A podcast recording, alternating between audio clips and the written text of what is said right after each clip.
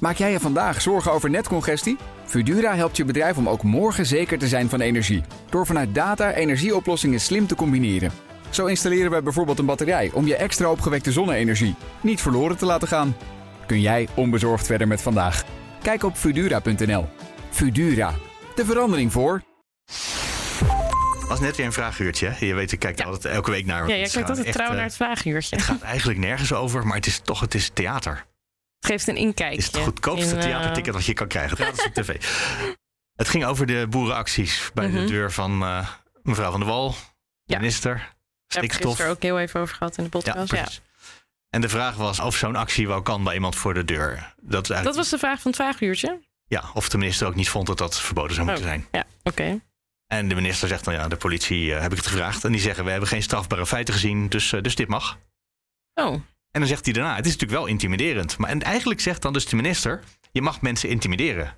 ja. Dat vind ik best wel heftig, dat dat mag. best wel raar. Ja, het is nog wel een verschil of het, of het strafbaar is of dat het ook acceptabel Nee, hij zei het is moreel helemaal verwerpelijk. Ja, Mensen moeten het niet doen, Ja, maar juridisch ja. kan het. En het is ook heel lastig om een grens te zeggen van tot hier kan je en daar mag het niet meer. Dat snap ik wel. Maar ik dacht dat je niet overal altijd mag protesteren. Op het moment dat je niet een vergunning hebt of je hebt niet aangekondigd dat je gaat protesteren, dan kan je toch niet zomaar, zomaar overal gaan protesteren met mensen. Er zijn gemeenten die eh, in hun APV hebben opgenomen dat je het van tevoren moet melden. Hmm. Maar ik dacht wel, ik hoop dat de mensen van Extinction Rebellion dit eh, gewoon ook meekrijgen. Dat je dus gewoon intimiderend voor de deur van iemand mag gaan staan. Nee, dat want dat is dit- niet de bedoeling. het is- nee, het is moreel verwerpelijk. Het is moreel verwerpelijk. Zelfs voor een heel goed doel vind ik het niet goed. Nee, maar dit is, dit is het eh, nieuwe normaal. En dan ja, moet je je misschien maar aanpassen. Nee, dat is niet oké. Ik vind het echt heel, eh, Nou, maar ik heel zou- raar. Ik ben ik zo voor zeggen protest, ik het- maar ik vind het zo vreemd dat je het bij iemands huis Ik doet. zou je zeggen waarom ik dat zou zeggen. Zo, mijn- Dat mijn indruk is, het wordt steeds stellig ontkend, er zijn ook kamerdebatten over gevoerd, dat Extinction Rebellion sneller van een kruispunt wordt weggehaald dan boeren voor de deur van de minister. Nee, kijk, dat is inderdaad een dubbele dus eh, dan moeten ze niet een kruispunt blokkeren, maar gewoon voor intimiderend voor de deur van de minister gaan staan. Want dat mag. En daar worden geen wetten overtreden. Ik En je moet dat- liefst met een elektrische tractor komen, denk ik. Ja. Ja. Oké, we gaan beginnen met de nieuwsdag met Talita Muse en Mark Beekhuis, waarin we elke dag terugkijken op het belangrijkste nieuws van de dag. En elke dag hebben we ook een verdiepend gesprek. Vandaag gaat het over arbeidsmigratie. Niet per se vanuit de buitenwijken van Parijs, maar misschien ook wel. En dat gaan we zo bespreken met Annemarijke Pot van D66. En de dag is vandaag dinsdag 14 juni.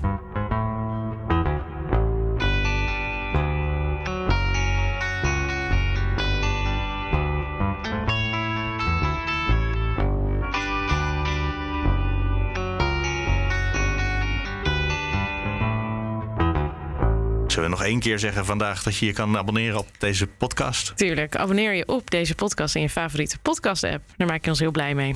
En jezelf vooral. Doe, het, niet voor, vooral, ja, ja. doe Doe het het niet niet- voor ons, doe het voor Doe het jezelf. voor jezelf en voor een ander. Dat mag ook. Je mag ook andere mensen vertellen hoe leuk het is. Precies, vertel het door. Nou, dat wil ik nog wel even zeggen. Er zijn best wel veel mensen die ik spreek die het in de, op de radio luisteren, maar dan niet als podcast. Sukkels. En dan vind ik toch even, als je nou op de radio luistert en je geniet ervan, volg ons dan ook even in de podcast. Al was het maar, omdat de podcast vaak net nog vijf, wat tien minuten langer langer is duurt. en wat inderdaad wat, nog wat uitgebreider soms. Dus Ja. ehm, Ja, eigenlijk elke dag. eigenlijk iedere dag. Dus voor meer, meer van dit. Dan het CDA. Dat is, ik, eh, ik zag hem niet aankomen, zou ik je zeggen. Nee, die eh, krabbelen terug, zeg maar. In de stikstofplannen van de regering waar Ja. ze zelf deel van uitmaken. Ja, Nou, en vooral ze maken bezwaar tegen iets wat niet besloten is. oké. Ja. Eh, de, de, de plannen die van vrijdag, over het gaat over stikstof, hè? Ja. De plannen die eh, daar vrijdag van bekend zijn gemaakt van de, vanuit de regering, die gaan puur over percentages. Wat er waar moet verminderen. ja. En dan zegt meneer Heerma, fractievoorzitter van het CDA in de Tweede Kamer nu, ja, maar er moet ook aandacht zijn voor innovatie. Nou, dat is een manier. Als je denkt dat je het daarmee redt, hartstikke goed, niks mis mee. Maar om dan nu een beetje voor, voor de bühne. Want uiteindelijk, ze hebben een handtekening gezet natuurlijk onder het regeerakkoord. Ze moeten er akkoord mee gaan. Had jij dat voorzien? Dat het CDA nu Ja. gewoon gaat zeggen: nee, oh ja, nee, maar het moet toch wel anders. Ja, dat wel. Ja, dat wel. Ja, kijk, zij zijn de boerenpartij. Het is gewoon echt op, opheffing. boerenpartij. Alle CDA-boeren zijn naar de boer-burgerbeweging overgegaan. Ja, ook, maar toch nog steeds. Niet zeker die Dirk Boswijk. Die heeft echt best wel veel aanhang ook daar. En eh, die tweet er ook altijd heel veel over. Dus die, eh, nee, ik weet zeker dat, dat dit, dit was wel een beetje te verwachten. Ja, ik moet Ja. zeggen, ik had, eh, Hij was hier twee weken terug nog in de studio Ja. Boswijk Ja. bij Nieuwsroom Den Haag. Ja. En mijn indruk was eigenlijk altijd dat het een hele oprechte, recht door zee man was. Hm. En omdat hij ook, ik zei, noemde net hier, maar... Maar is dit niet gewoon normaal? Boswijk. Dit is op zich in die zin wel normaal dat ze dit aangeven. En dan gaat er natuurlijk een soort compromis komen. Dus dan wordt het toch weer. Maar waarschijnlijk wil hij dat er gewoon nog meer met de broeder wordt samengewerkt om tot oplossingen te komen. En dat er. Er is Nou ja, een uitspraak van de rechter Mhm. en daar is niet een compromis mogelijk. Ik bedoel, je rijdt door rood of je rijdt niet door rood. Je kan ja, Mhm. maar ja, ik reed wel 150 waar je 100 mag, maar Mhm, eh, mhm. kan je dan niet de- zeggen dat ik 120 reed of zoiets? Nee, dat kan niet. Nee, maar het compromis. Natuurlijk is er, is er altijd een compromis. Want de uitspraak zegt er moet gewoon minder stikstof zijn. Ja, Maar de dus- uitspraak dus- zegt niet nee, maar die dus- en die gebieden moeten. die en die boeren moeten onteigend worden. Dat, Dat de is ook helemaal niet besloten. Dat- natuurlijk niet. Nee, de, Nee, maar dat is er natuurlijk zijn nu percentages per gebied. En Ja, dat heeft consequenties voor boeren en voor eh, vliegmaatschappijen en voor andere industrie. Ja. Maar hoe je dus dat gaat oplossen, dus hoe je dat in dat gebied ervoor zorgt dat je naar minder gaat, ja, daar valt nog zeker dan toch wel onder te, over te onderhandelen. Want die boeren, de paniek die natuurlijk nu uitbakt afgelopen weekend was, van, nou ja, eh, in al die gebieden kan dus bijna iedere boer wel zijn toko sluiten. Nee, er zijn gebieden in Nederland waar het echt heel lastig boeren wordt. Dat is zeker waar. Ja. En er zijn ook Ja. gebieden waar het eigenlijk helemaal problematisch doorgaat. Ja, ja. Ja, als je het grootste deel van het probleem bent, dan ben je waarschijnlijk ook, en ik wou zeggen, de eerste die deel van de oplossing moet gaan leveren. Maar dat is helemaal niet waar, want er, zijn, er worden geen huizen gebouwd op heel veel plekken. Er worden geen wegenprojecten gedaan. Eh, iedereen is minder hard gaan rijden. Andere delen van de samenleving zijn al Mhm. begonnen. Die zijn helemaal niet zo relevant, maar die zijn wel vast begonnen. ja. Eh, nee, sorry. Dat Nou ja, maar goed, als de boeren met allemaal oplossingen komen om eh, de stikstof te reduceren, dan. eh, Maar natuurlijk. ja. Als, ze die, als, ze die, eh, die, als die innovatie er is, dan moeten ze die gewoon toepassen. Ja, dan hebben ze dan hebben ze maar dan hebben ze een bijdrage geleverd. Ja. En er staan 25, wat was het, 25 miljard? Ik ben het bedrag even kwijt. Er, was, er staan in ieder geval vele miljarden klaar om dan uit te geven nog eens. Normaal, dat schreef eh, heel dit- goed- die schreef dat echt heel goed in het NRC. Normaal is het de vuiler betaald, maar hier is het de vuiler krijgt betaald. Mhm. En dat is natuurlijk, daar gaat het al, al raar. Oké. Maar fijn, jij het anders zeggen. Nee, niet? Jawel, oh nee, niet. Over dit. Nou, kijk, ik- wat ik wel met je eens ben, ze moeten wel voet bij stuk houden nu met die ingeslagen richting van we moeten gewoon nu dat aan dat fonds gaan voldoen. Ja. En hetzelfde geldt voor klimaat en voor andere dingen. Het is gewoon belachelijk dat er steeds maar niet aan wordt voldaan en dat we een beetje, ja, dat is gewoon heel erg vreemd. Maar ik snap wel dat het CDA dat dit dan wel een manier is om toch te kijken van hoe kunnen we hem dan in die plannen even ons eh, dat boerenbelang voor opzetten. Politiek gezien snap ik het heel erg dat ze dit doen. We gaan naar de Eerste Kamer, denk ik. Ja, we gaan naar de Eerste De Eerste Kamer. Kamer is Ja, tegen heel- discriminatie. Dat Ja, dacht ik eerst te lezen. Ik maar, eerst eh, dat ze allemaal heel discriminerend waren. Dat ze met opzet allemaal wetten erdoor lieten waar, waarmee gediscrimineerd wordt. Maar het toch niet. een redelijk, eh, redelijk blank deel van de wereld wat daar zit. eh, of dat een deel. Ik vraag ja. me eigenlijk af of er één gekleurd iemand in onze Eerste Kamer zit. Maar goed. Nou, dat is een goede Eh, vraag. Als jij dat eh, check ik check, dat even. check jij dat even. Ik denk het wel namelijk. Eh, ze gaan eh, bij het maken van nieuwe wetten voortaan een checklist afwerken. Bij niet alle wetten, maar bij sommige wetten. Eh, om te voorkomen dat een wetsvoorstel leidt tot discriminatie. Eigenlijk een beetje zoals je ook milieueffecten ehm, bekijkt bij sommige wetsvoorstellen. En eh, ja, dat is eh, nou, een initiatief van de commissie. Om te kijken van nou, hoe kunnen we voortaan voorkomen dat er wetten worden gemaakt, zeker op het gebied van arbeidsmarkt of onderwijs of eh, sociale zekerheid, dat, dat daar gediscrimineerd of dat het effect uiteindelijk discriminatie is.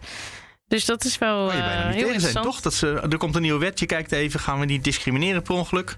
Nee, zoals bijvoorbeeld met het toeslagenschandaal. Waar Ja, maar het lijkt me zo moeilijk om te kijken of zeg maar. Ik denk wel dat je dat kan kijken of. Of de wet zelf discriminerend is. Maar de effecten, ja, dat is natuurlijk een ander. Kijk, een milieueffect is, kan je doorrekenen door een planbureau. Maar kan je discriminatie eh, of iets discriminerend uit gaat pakken in de praktijk? Nou ja, het is wel goed als je dat gaat monitoren. Ja. Eh, en sowieso ergens je van tevoren over eh, bewust van worden, is denk, denk ik heel goed. Dat is prima. Maar eigenlijk zou je gewoon dus willen dat dit grondwettelijk getoetst werd. Eh, in plaats van voordat je het weet, heb je allemaal toetsen, toetsingen in de Eerste Kamer. Allemaal, er zijn partijen die dat die allemaal willen, onderzoeken grondwettelijk hof. ja, nou, daar zou ik dan eerder voorstander van zijn. Ja. Eh, daar zou dit ook. Eh, Eigenlijk, dat zou de juiste plek ervoor zijn. Maar, maar ja, als je het, als je het kan een, voorkomen, is het natuurlijk ook goed. Het is beter dan dat je ervoor naar precies, de rechter Precies, precies. Ja, dus uh, in, in die zin uh, wel uh, positief dat ze hier serieus mee aan de slag willen. Ik vind het goed dat ze dat Ehm. bedacht hebben. Ik ben ondertussen door de lijst met alle Kamerleden heen gescrolld. En? Er zitten niet heel veel exotische namen tussen. Maar toch, Karimi natuurlijk. Farah Karimi van GroenLinks en van PvdA. Uh, Karakus. En ik probeer zijn voornaam te bedenken. Maar dat weet ik zo snel niet meer. Oké, okay, maar dus toch wel. Twee van de 75. Nou. En jij zei, ik heb een heel goed verhaal over whisky. Nou, ik ben een en al oor. Nou, het is echt heel erg grappig. Blijkbaar zo'n halve eeuw ruzie tussen Denemarken en Canada over een stuk rots. Een eilandje van 1,3 vierkante kilometer ten zuiden van de Noordpool. Ja. Ze maken zo'n halve eeuw ruzie over van wie het eilandje is. En op een gegeven moment is er een minister geweest uit Denemarken... die dacht van, nou, ik ben gewoon lekker slim. En die heeft een vlag op het eiland geplant... en daarbij een, uh, een fles whisky begraven met een briefje erbij... welkom op het Deense eiland. ja, echt dit soort tactieken, dat je denkt van, wat oké. Okay. En toen vervolgens hebben de Canadezen daar weer op gereageerd... door een Canadese brandy um, uh, met een, een, een logo van dat eilandje te, te produceren. Ja. Dus op die manier te claimen dat het eilandje van hun is. En daar hebben ze dus gewoon uh, een halve eeuw over gedaan. En uh, met onderlinge diplomatie en ruzie en weet ik veel allemaal. En sinds vandaag is het beslecht, het conflict. Wie het mag gaat het hebben? door de midden. Het stukje rots in de zee. Ah, dus het gaat precies door de midden. En waarschijnlijk komen daar dan aan beide kanten twee drankkraampjes of zo te staan voor verdwaalde, verdwaalde toeristen die daar langs varen. Nou ja, blijkbaar is het dus wel, waarom, ze, ja, waarom die ruzie? Blijkbaar is het ecologisch een heel uh, ja, uh, rijk uh, gebied. En wilden ze het gewoon beide, beide hebben. Maar ze hebben nu beide gezegd, dat vond ik dan toch wel weer heel erg grappig, dat ze hiermee een signaal afgeven aan de wereld. Dat je conflicten over grensgebieden op een vreedzame en pragmatische manier kan oplossen. Dus nou ja, wie weet krijgen ze een Nobelprijs uh, hiervoor. Belangrijk signaal nu er zoveel oorlog in de wereld is. Ook hoe de NOS het opgeschre heeft opgeschreven of er gepost is met een glas whisky is onduidelijk. Ik vind het wel leuk. We gaan het hebben over arbeidsmigratie. En, uh, ja. Na een artikel in het AD vandaag is daar wat ophef over. Mag je wel nog, zeggen? Nog, ja, precies, nogal. En ik, en ik ga meteen maar zeggen, ik wil een beetje weg bij die karikatuur die daar uh, de hele dag uit ontstaan is. Namelijk dat we allemaal. Het leek alsof er per direct uit bussen uit banlieues ja. naar Nederland kwamen. En dat uh, mensen om die, dan die bussen willen gaan aan de slag te zetten. Misschien in de kast zelf op, uh, om cola te serveren in, uh, op de terrassen. hoorde ik als voorbeeld in een Tweede Kamer vraaguurtje vanmiddag. Ja. En toen dacht ik, Nou. we moeten een beetje weg van die karikatuur. Want dat is natuurlijk niet wat we Ja. gaan doen. Nee, maar ze noemen het wel expliciet als voorbeeld. Spaanse jongeren of Franse jongeren die werkloos zijn. En er zijn er best veel van. Maar hier, wij hebben er ook een miljoen of zoiets. eh, werklozen hier nog steeds. ja, 1,2 miljoen mensen volgens mij, hè, die eh arbeidspotentieel hebben. Toen dacht ik, ik wil eens eh, gaan praten met eh Annemarijke Pot van D66. Die eh, Goedemiddag. nu aan de lijn is, wou ik net zeggen. Precies, de, goedemiddag. en volgens mij heb ik jullie ook wel zoiets horen zeggen. Niet per se dat het eh, de banlieues zijn waar we de jongeren vandaan moeten halen. Maar wel Nee. dat, we, dat, dat we de mensen misschien toch wat van buiten moeten gaan halen. Nee, nou ja, ik denk inderdaad dat uh, de banlieues was misschien wat een uh, wat ongelukkig gekozen voorbeeld van de minister. Maar ik denk dat het wel goed is inderdaad om een goed gesprek te hebben over hoe we de mensen uit Europa en misschien ook wel daarbuiten uh, aan de slag krijgen. Want we hebben wel, ja, we hebben wel een probleem natuurlijk in Nederland.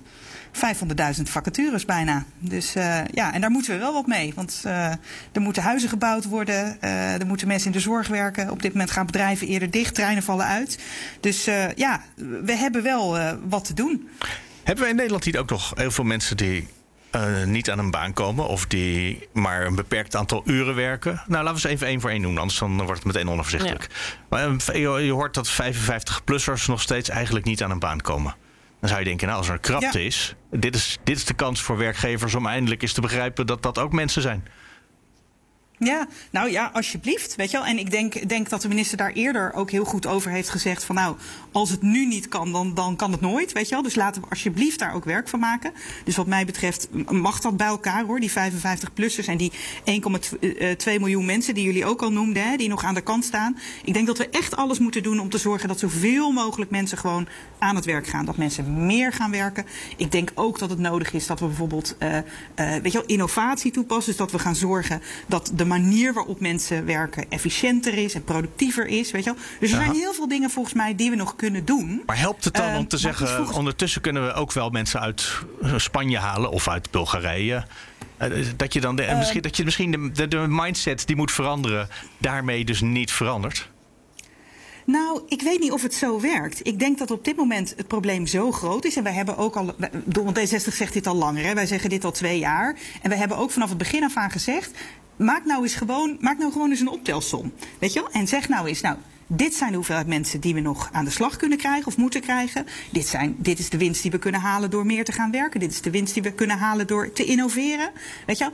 Maar, maar onder de streep, en dat zeggen ook echt heel veel experts en heel veel mensen uh, ja, van verschillende uh, sectoren op dit moment. Onder de streep komen we er dan waarschijnlijk nog steeds niet. En dan is het goed om nu al te kijken wat je zou moeten doen om mensen, zowel van binnen Europa, dat kan natuurlijk al, hè, en van buiten Europa uh, ja, bij ons aan de slag kunt krijgen om dat grote probleem op te lossen. Maar, maar is dat wenselijk? Want niet al te lang geleden heeft de arbeidsinspectie ook juist gepleit voor een beperking van arbeidsmigratie. Onder andere ook door de omstandigheden waar heel veel arbeidsmigranten in werken. En ook, nou, je hoort van werkomstandigheden die niet veilig zijn. Soms inderdaad werkgevers die het ook gewoon als een goedkopere oplossing zien. woningtekorten, waardoor deze mensen op elkaar gepakt zeg maar, zitten in, in woningen. Is dat ja, is dat mm. zeg maar een, een, een wenselijke situatie om nog verder uit te, te breiden? Nou, nee. Want ik denk dat we allemaal natuurlijk. Nee, maar ik denk dat we het allemaal natuurlijk over eens zijn. We kennen allemaal die beelden, we kennen allemaal die problemen. Dat die uitbuiting en die manier waarop soms uh, misbruik gemaakt wordt van mensen. dat dat verschrikkelijk is. En dat we dat ook tegen moeten gaan. Dus we hebben gezorgd voor meer geld voor de arbeidsinspectie. D60 pleit ook om te zorgen dat de arbeidsinspectie meer mogelijkheden krijgt om in te grijpen. Hè? Want dat kan nu nog niet altijd. Die mensen mhm. komen daar soms nog gewoon mee weg. En dat mag natuurlijk gewoon niet. Want het is volgens mij heel evident dat het gewoon netjes moet zijn. Um, maar ja, weet je, ik denk ook dat dat kan. Weet je, het wil niet zeggen dat als wij um, gaan kijken, we halen een aantal mensen hierheen in een hele specifieke sector. En dan hebben we het niet per se over helemaal onderaan de arbeidsmarkt. Hè. Dat kan natuurlijk ook gaan over die vakkrachten die ons helpen om onze huizen te isoleren en om zonnepanelen op het dak of, te zetten. Uh, ja. ja. zeker. Of handen aan het bed in de zorg. Weet je wel? Dat zijn mensen die, die gewoon capaciteiten hebben om dat te doen. Die hier in Nederland kunnen werken, die straks ook weer hopelijk terug kunnen naar hun eigen land, zeg maar, om daar dan vervolgens de kennis die ze hier in Nederland hebben opgedaan in te zetten om het daar ook beter te maken. Ja, volgens mij zit er winst aan alle kanten. En ik ben het helemaal met je eens dat je dat heel netjes moet doen. Maar ja, volgens mij kan dat gewoon wel. Is het ook niet zo dat wij een soort lage lonenland zijn in de westerse wereld en dat het eigenlijk wel eens goed is dat we een beetje krapte hebben op de arbeidsmarkt, zodat de lonen tenminste weer een beetje gaan stijgen?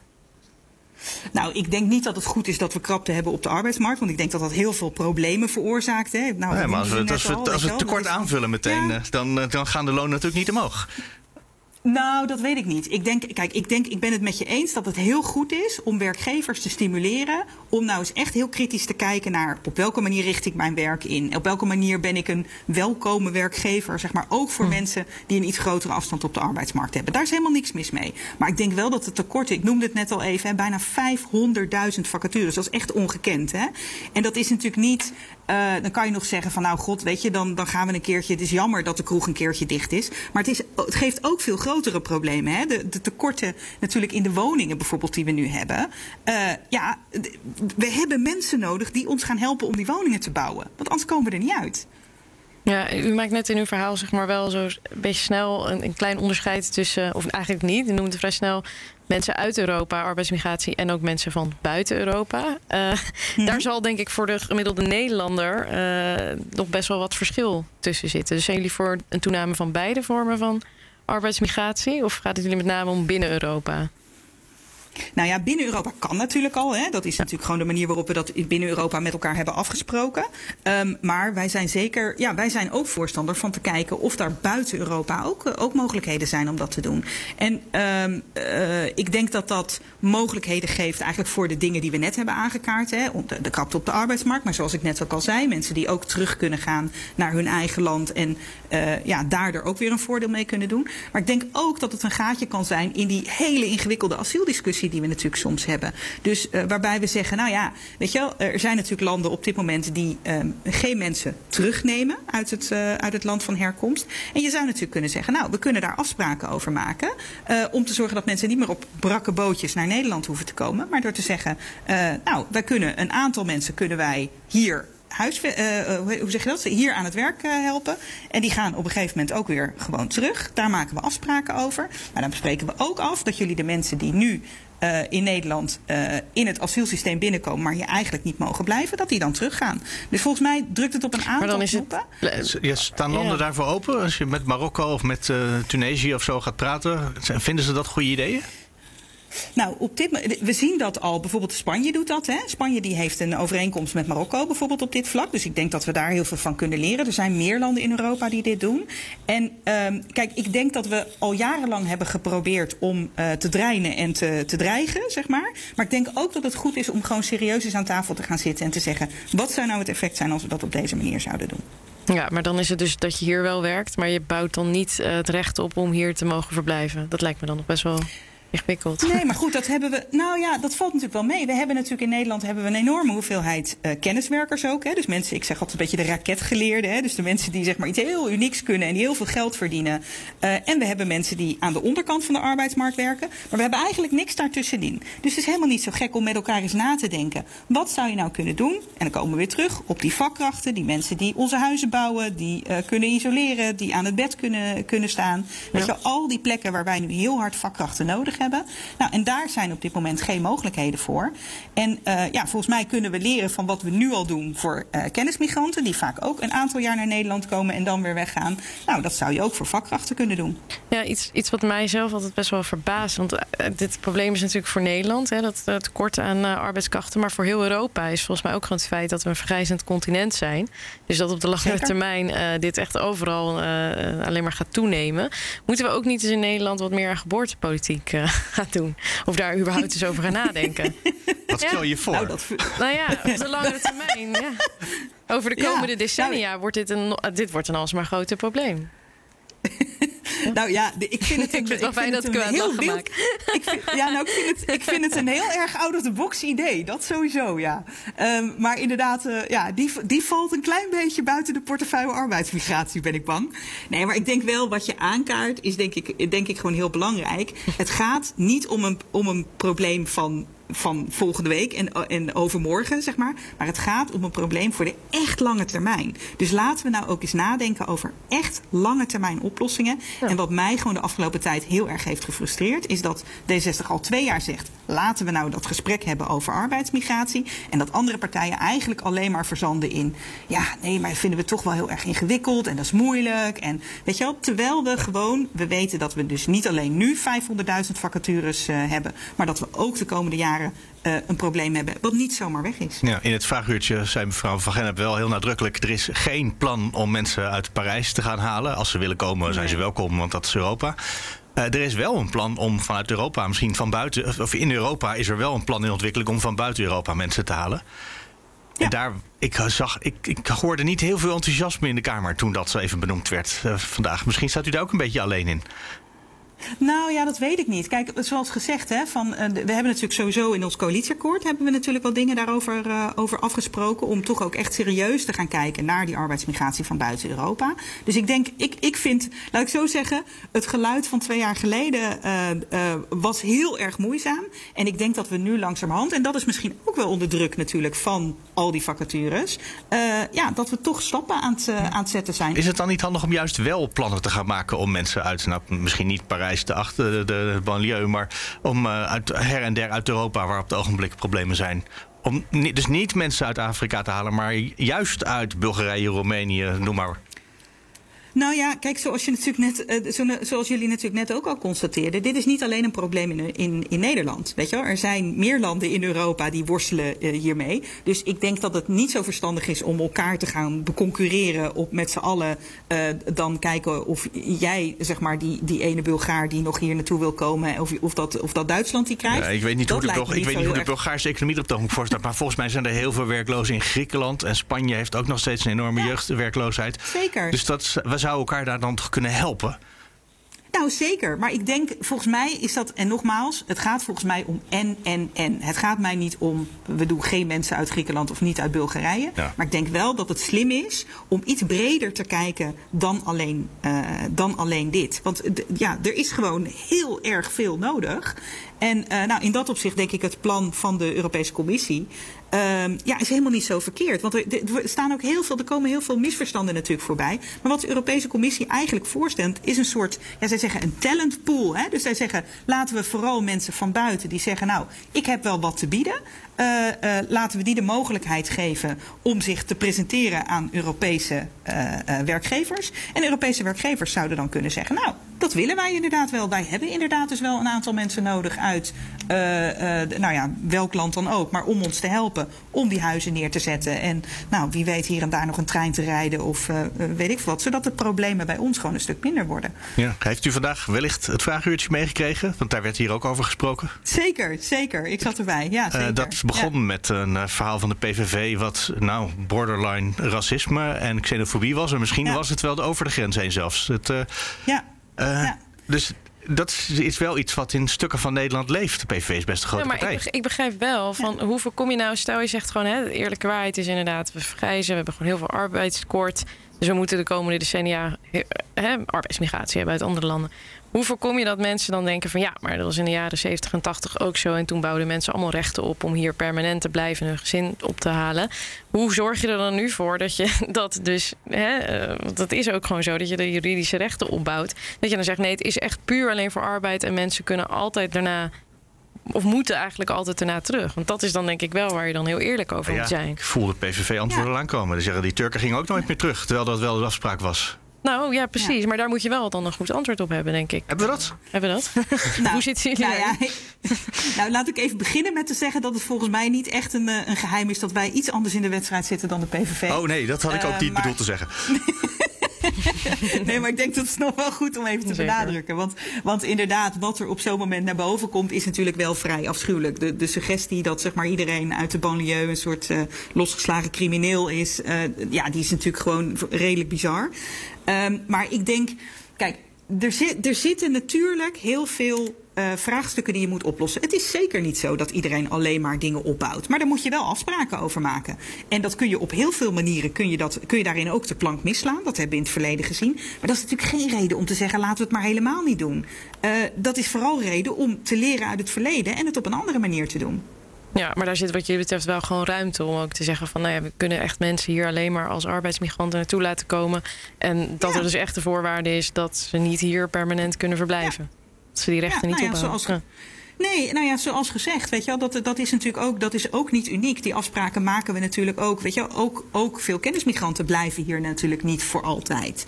En uh, nou ja, die, die ruimte moet er gewoon ook zijn. Om daar zit, zit daar misschien niet een verschil dat ze. We hebben het over de onderkant van de markt. En die ja. willen vaak wel weer terug als ze genoeg gespaard hebben. En de bovenkant van de markt. En die zijn sowieso heel erg mobiel. En die, dus die gaan waarschijnlijk, als we misschien niet terug, maar weer door naar een ander continent.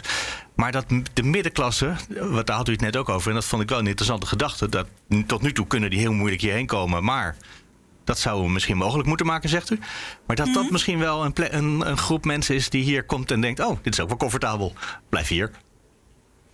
Ja, nou, ik vind dat, ik vind dat altijd een beetje, beetje lastig. Kijk, sowieso, ik denk dat het goed is wat jij, wat jij ook zegt, hè, om te onderkennen dat natuurlijk het beeld wat wij nu hebben van arbeidsmigranten soms heel, heel plat is. Want een arbeidsmigrant is natuurlijk niet alleen iemand die, die de, op het veld werkt. Of, weet je wel, er zijn heel erg veel verschillende arbeidsmigranten in Nederland. Die op allerlei verschillende manieren uh, meehelpen om uh, nou, ons eten op ons bord te krijgen. Of om nou ja, tot aan zeg maar hele ingewikkelde industrie. Dus er zijn heel, heel erg veel verschillende mensen die bijdragen wat dat betreft.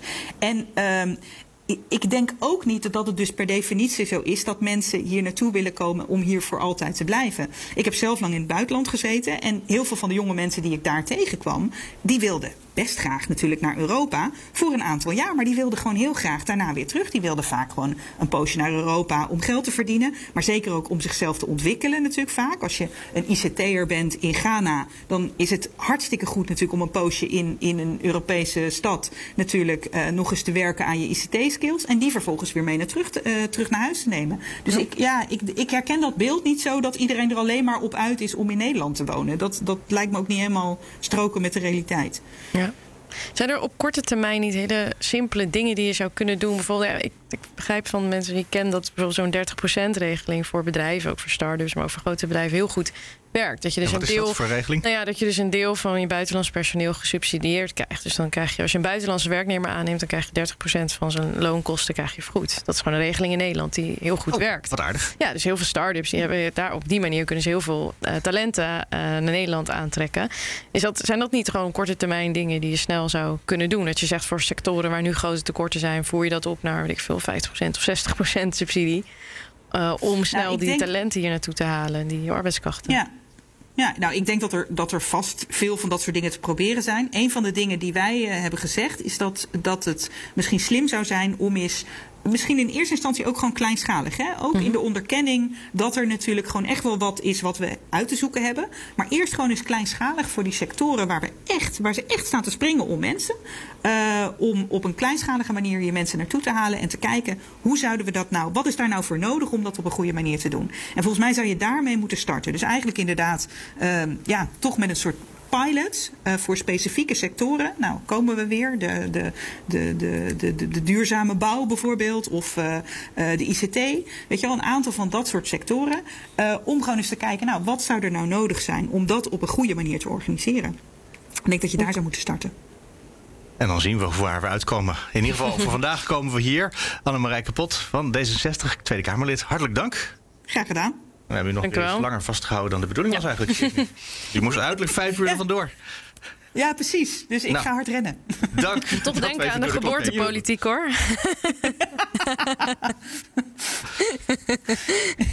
Dat, ik zal er goed over nadenken. Ja, Ja, ik, zal het, ik zal het morgen eens inbrengen. Ja, is goed. Dankjewel voor de suggestie. Doei, doei. Doei. Dag.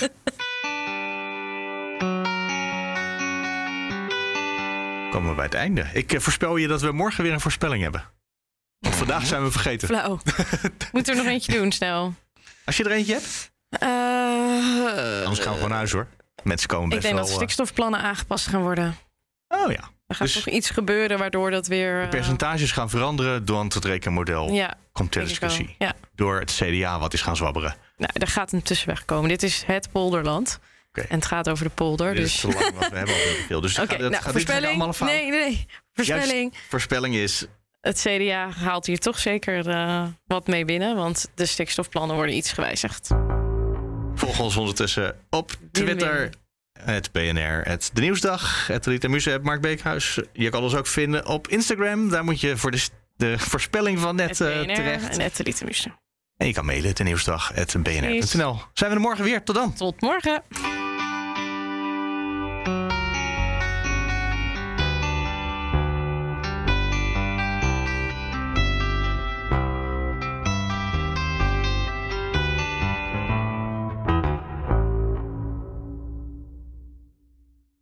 Maak jij je vandaag zorgen over netcongestie? Fudura helpt je bedrijf om ook morgen zeker te zijn van energie. Door vanuit data energieoplossingen slim te combineren. Zo installeren we bijvoorbeeld een batterij om je extra opgewekte zonne-energie niet verloren te laten gaan. Kun jij onbezorgd verder met vandaag? Kijk op Fudura.nl. Fudura, de verandering voor.